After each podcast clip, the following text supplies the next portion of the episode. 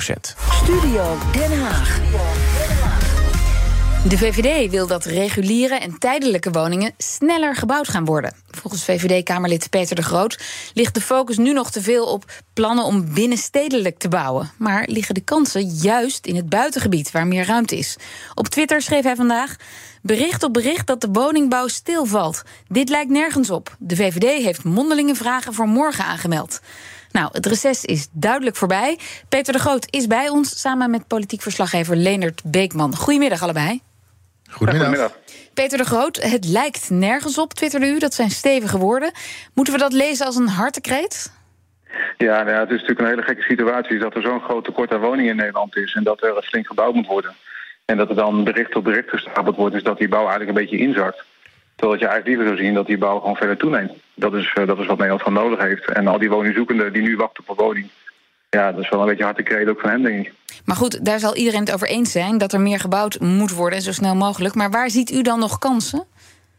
Nou, wat je ziet is dat er op dit moment heel veel uh, projecten worden geprojecteerd. De minister is hard aan de slag geweest met, uh, met plannen met de provincies.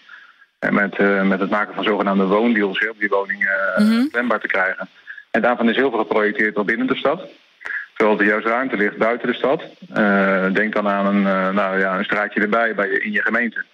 Maar ook al wel op de wat grotere locaties buiten de stad. En waarom dat zo belangrijk is, is dat die locaties vaak uh, wat goedkoper zijn dan echt die dure en complexe omgeving in de stad.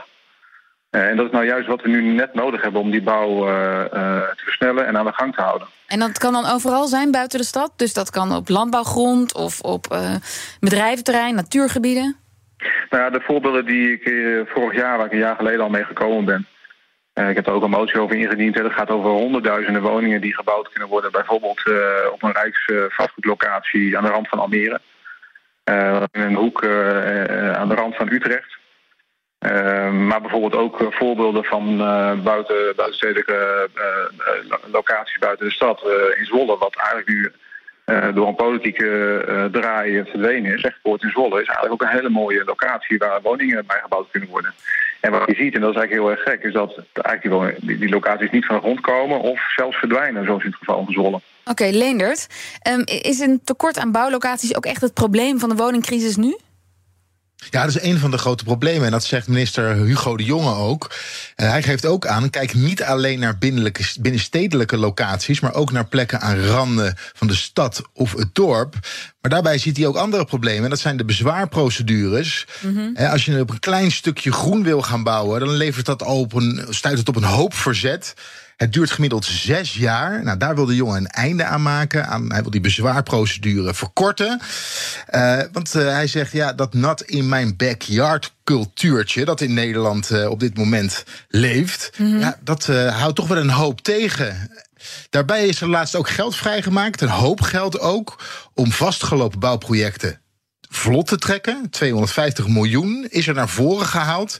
En er is nog 300 miljoen uh, is er ter beschikking gesteld voor de bouw van flexwoningen. Okay. En ook die flexwoningen die komen natuurlijk niet in de binnenstad te staan. Dus die komen ook hè, buitenstedelijk worden die ja. neergezet. Ja, dus je kan wel, minister Hugo de Jonge ziet ook wel degelijk het probleem. Ja, Peter de Groot. Uh, de minister ziet uw zorgen, die deelt hij ook. En hij heeft er ook veel geld voor over. Ja, waar schiet hij dan nog tekort volgens u? Nou ja, in die plannen, kijk, het zijn mooie uh, plannen die gemaakt worden. En ook die constateringen zijn juist. Uh, alleen het gaat er wel over is dat je dan ook uh, water bij de wijn doet, boter bij de vis, dus net hoe je het wil noemen.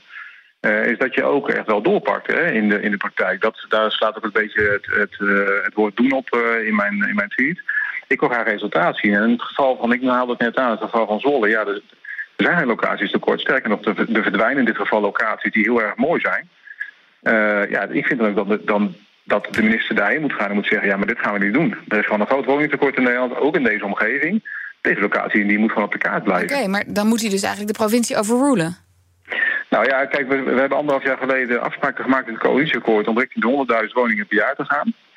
Nou, dat is, niet, dat is niet alleen een afspraak uit het coalitieakkoord. Dat is ook iets waar mensen in Nederland heel erg op zitten te wachten. Dat, die, dat, we, dat we juist stijgen met die bouwproductie. Ja, dan kun je niet zeggen van als dat niet gebeurt, dan, dan, dan, dan hou ik het bij wat ik heb afgesproken op papier. Dan moet je ook in de praktijk erheen gaan. Dan moet je zeggen, dan moet je doorpakken. Dan moet je zeggen, nou, we gaan het hier wel doen. Ja, Als het niet gebeuren, Want we hebben een groot tekort. Ja, Leendert, uh, Overijssel, Zwolle, provincie met veel groen. Zitten de provincies wel te wachten op een minister die hen dwingt te gaan bouwen op dat soort locaties? Nou, zeker niet elke provincie. En dan wil ik je ook nog even wijzen op Noord-Holland. Daar is toch vanuit provinciebestuur een hoop verzet om ja, buiten de bebouwde kom te gaan bouwen. En dan moeten we ook nog even terug naar de provinciale statenverkiezingen. De mhm. grote winnaar, de BBB, ja, zij hebben in een verkiezingsprogramma staan. Uh, bouw binnenstedelijk. Hoogbouw heeft een voorkeur. En zeker niet in het groen. En dan kijken ze ook naar die dorpskernen, hè, eh, naar hun eigen achterban daar moet niet te veel gebouwd gaan worden. En er moeten nog besturen in die provincies moeten gevormd gaan worden. En dan moeten we ook nog even naar de linkse partijen kijken. GroenLinks, Partij van de Arbeid, die ook aanschuiven in meerdere provincies. Ook zij zeggen, los het binnenstedelijk op. En daarbij, en de heer De Groot noemde dat al... er zijn prestatieafspraken gemaakt met de provincies. Zuid-Holland heeft de grootste opdracht van 235.000 woningen... Uh, die gebouwd moeten gaan worden. En er wordt ook gezegd, ja, laat die provincies nou eerst eens aan de gang gaan. Laat ze komen met de plannen en dan kan Den Haag zich er weer tegenaan bemoeien. Ja, nou meneer De Groot, u hoort, dan moet u gewoon niet even wachten waarmee de provincies komen. Nou ja, volgens mij is het niet vijf voor twaalf, maar vijf over twaalf als het gaat over het woningtekort in Nederland. Dus er is helemaal geen tijd te verliezen met, uh, met, en, met, met, en met een inzakkende bouwproductie. Kijk, de vergunningverlening die, uh, die daalt al. Dus we kunnen, we kunnen ervan uitgaan is dat het heel erg moeilijk wordt om hogere aantallen uh, woningen te gaan halen dit jaar. En daar maak ik me gewoon heel erg zorgen over. En iedereen kan wel uh, roepen dat ze graag binnen de stad willen, willen, willen blijven bouwen. Maar ik zie gewoon dat woningbouwprojecten gestopt worden. Dus u, u zegt, dus u zegt eigenlijk en, als VVD-Kamerlid meer regie, meer sturing door het ministerie? Nou, nou, maar wel op de goede manier. Onze oplossing daarvoor is om te kijken naar goedkope gronden. Want uiteindelijk waar dit probleem over gaat, is, is het rondkrijgen en rondrekenen van bouwprojecten. Ook om betaalbare woningen te bouwen. Nu zie je in steden dat het te duur wordt en dat bouwprojecten stilvallen, hè, dat de stekker er gewoon uitgaat. En de oplossing die wij bieden, die gaat ook over, het gaat gewoon over een stukje realisme. Hm. Je zult naar goedkopere gronden toe moeten. En daar zul je ook gebruik van moeten maken met de bouwkosten die er zijn, met de gestegen rente die er is, om die bouw uiteindelijk wel te blijven plannen en te blijven uitvoeren. Als we dat niet doen, gaan er veel meer bouwprojecten gestopt worden in de stad. Want die, al die bouwprojecten zijn heel duur en die kunnen straks niet uit als je niet uitkijkt. Maar wat u betreft mag de minister daar dan wel meer de leiding in nemen? Nou ja, dat is uiteindelijk ook een opdracht wat die, die, die, die heeft meegekregen vanuit het coalitieakkoord. Er zijn, dat is niet alleen de VVD zijn handtekening onder gezet, maar ook de andere drie partijen van de coalitie. Die hebben een handtekening gezet, we bouwen, zowel, we bouwen in heel Nederland, we bouwen binnen en buiten de stad.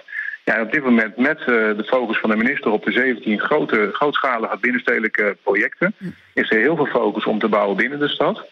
Uh, en willen wij dat de belemmeringen worden weggenomen om meer buiten die stad te kijken naar goedkope gronden om te kunnen blijven doorbouwen. Ja, maar meneer De Groot, u, u heeft het uh, nu ook vooral over dat het dan een beetje stuk loopt qua vergunningen, qua, qua bouwprojecten dan ook bij, bij gemeenten en ook buiten de stad.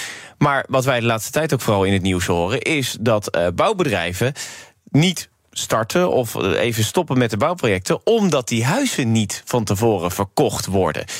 En het is zo dat je, ja, je moet nu eenmaal 70% van de projecten al verkocht hebben voordat ze gaan bouwen. Anders kom je ook niet uit. Uh, moet de overheid daar niet iets aan gaan doen? Want als de huizen niet verkocht worden, kunt u wel gewoon bouwen, buiten de stad. Maar dan bent u alsnog voor niks aan het bouwen.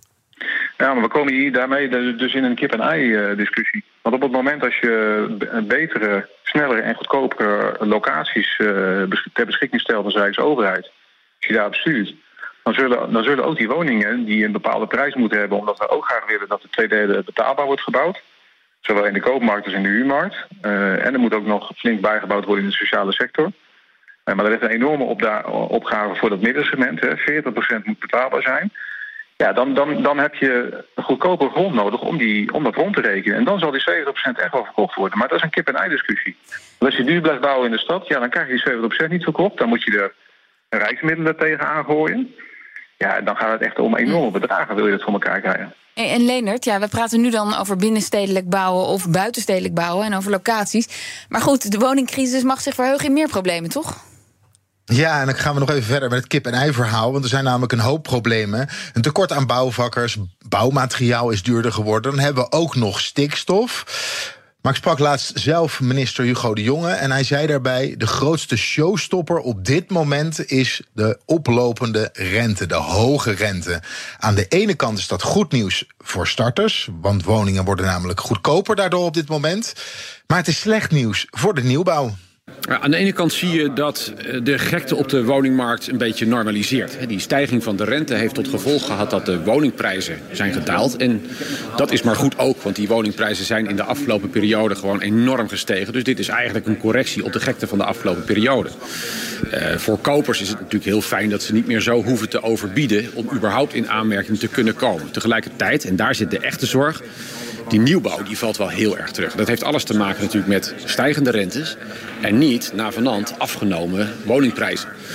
En uh, dat maakt dat ik me het meest zorgen maak over de dip waartegen we aan zitten te kijken in de nieuwbouw. En ja, we zullen echt door die dip moeten heen bouwen, want de, de, de grote, het grote woningtekort, ja, dat neemt niet zomaar af.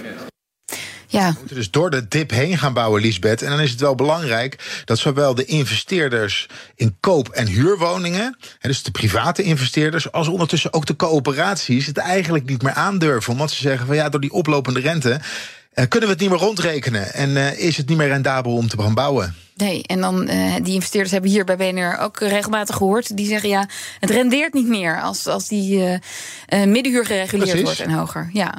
Um, ja, Peter de Groot, welke toezegging wilt u van minister De Jonge hebben eigenlijk? Ik weet niet of hij u volgt op Twitter, maar als u morgen spreekt.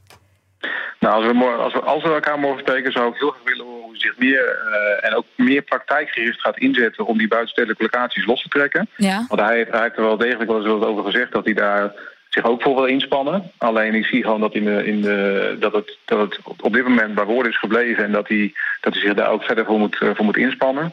Ik hoorde net ook zeggen, hè, die gestegen rente, ja, dat, dat, dat, dat, dat onderschrijf ik ook. Eigenlijk, eigenlijk zeggen we ook wel veel hetzelfde. Um, uh, en daarom zijn die, uh, die snellere en goedkopere bouwlocaties buiten de stad of aan de rand van de stad ook zo belangrijk.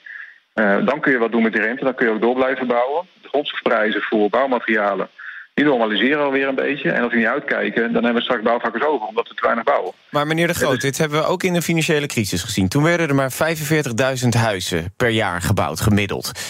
Moeten we, want Lene zegt het terecht... de investeerders durven het niet meer aan... moet de staat toch gewoon de portemonnee trekken... om door de dip heen te bouwen, gewoon de komende jaren... dan maar zelf geld bijleggen. Ja, dat, dat, dat verlies dan maar even nemen... en over een paar jaar gaan die prijzen wel weer omhoog van die huizen... en dan die huizen maar weer verkopen. Ja, maar dat gaat om enorme investeringen. Ja, zeker. Maar u wilt ook dat er gebouwd wordt. Dus dan mogen er best wel investeringen gedaan ja, worden, zeker. toch? Zeker. Nou ja, de afgelopen jaren zijn natuurlijk via de woningbouw in Pulsgelden enorm, is enorm veel geld ook uh, geïnvesteerd om woningen te blijven bouwen. Uh, nou, er werd al genoemd dat, hè, dat, er een, uh, dat er wederom een bedrag van 250 miljoen gereserveerd is. Hè. Dus de Rijksoverheid doet echt wel een duit in het zakje. Alleen wat ik niet, waar ik geen fan van ben, is om onrendabele projecten te blijven financieren. Dus je zult op zoek moeten naar de innovatie in de bouw. Je zult op zoek moeten naar de goedkopere grondlocaties. Je zult op zoek moeten naar die plekken waar je wel, uh, waar je wel kunt blijven bouwen. En dat is ook de oproep van de VVD. En hoeveel woningen zouden er dit jaar nog gebouwd moeten worden en kunnen worden? Nou ja, we hebben vorig jaar 75.000, ongeveer 575.000 nieuwe woningen uh, gebouwd. Plus nog een aantal flex- en, en transformaties. Uh, volgens mij kwam het totaal boven de 80.000 uit. Ja, je zou tenminste willen dat je weer op het aantal ja. uitkomt. Uh, en, en... En, dat wordt, en, en dat wordt echt een hele grote opgave als ik zo de signalen in de markt zie. Ja, want dat zijn dan signalen. Maar wordt dat gemonitord? Is er een huizenbouwmonitor? Nou, daar heb ik al meerdere keer om gevraagd en die, uh, die, die komt eraan. Tweede helft van het jaar heb ik begrepen. Hetzelfde geldt voor de bouwprojecten die, uh, die nu op stapel staan. Want je zou ook graag willen dat je het geld wat je dan besteedt... Mm. dat je in ieder geval aan die bouwprojecten besteedt... die misschien dreigen uit te vallen. Ja. Dank jullie wel, VVD-Kamerlid Peter de Groot... en politiek verslaggever Leonard Beekman.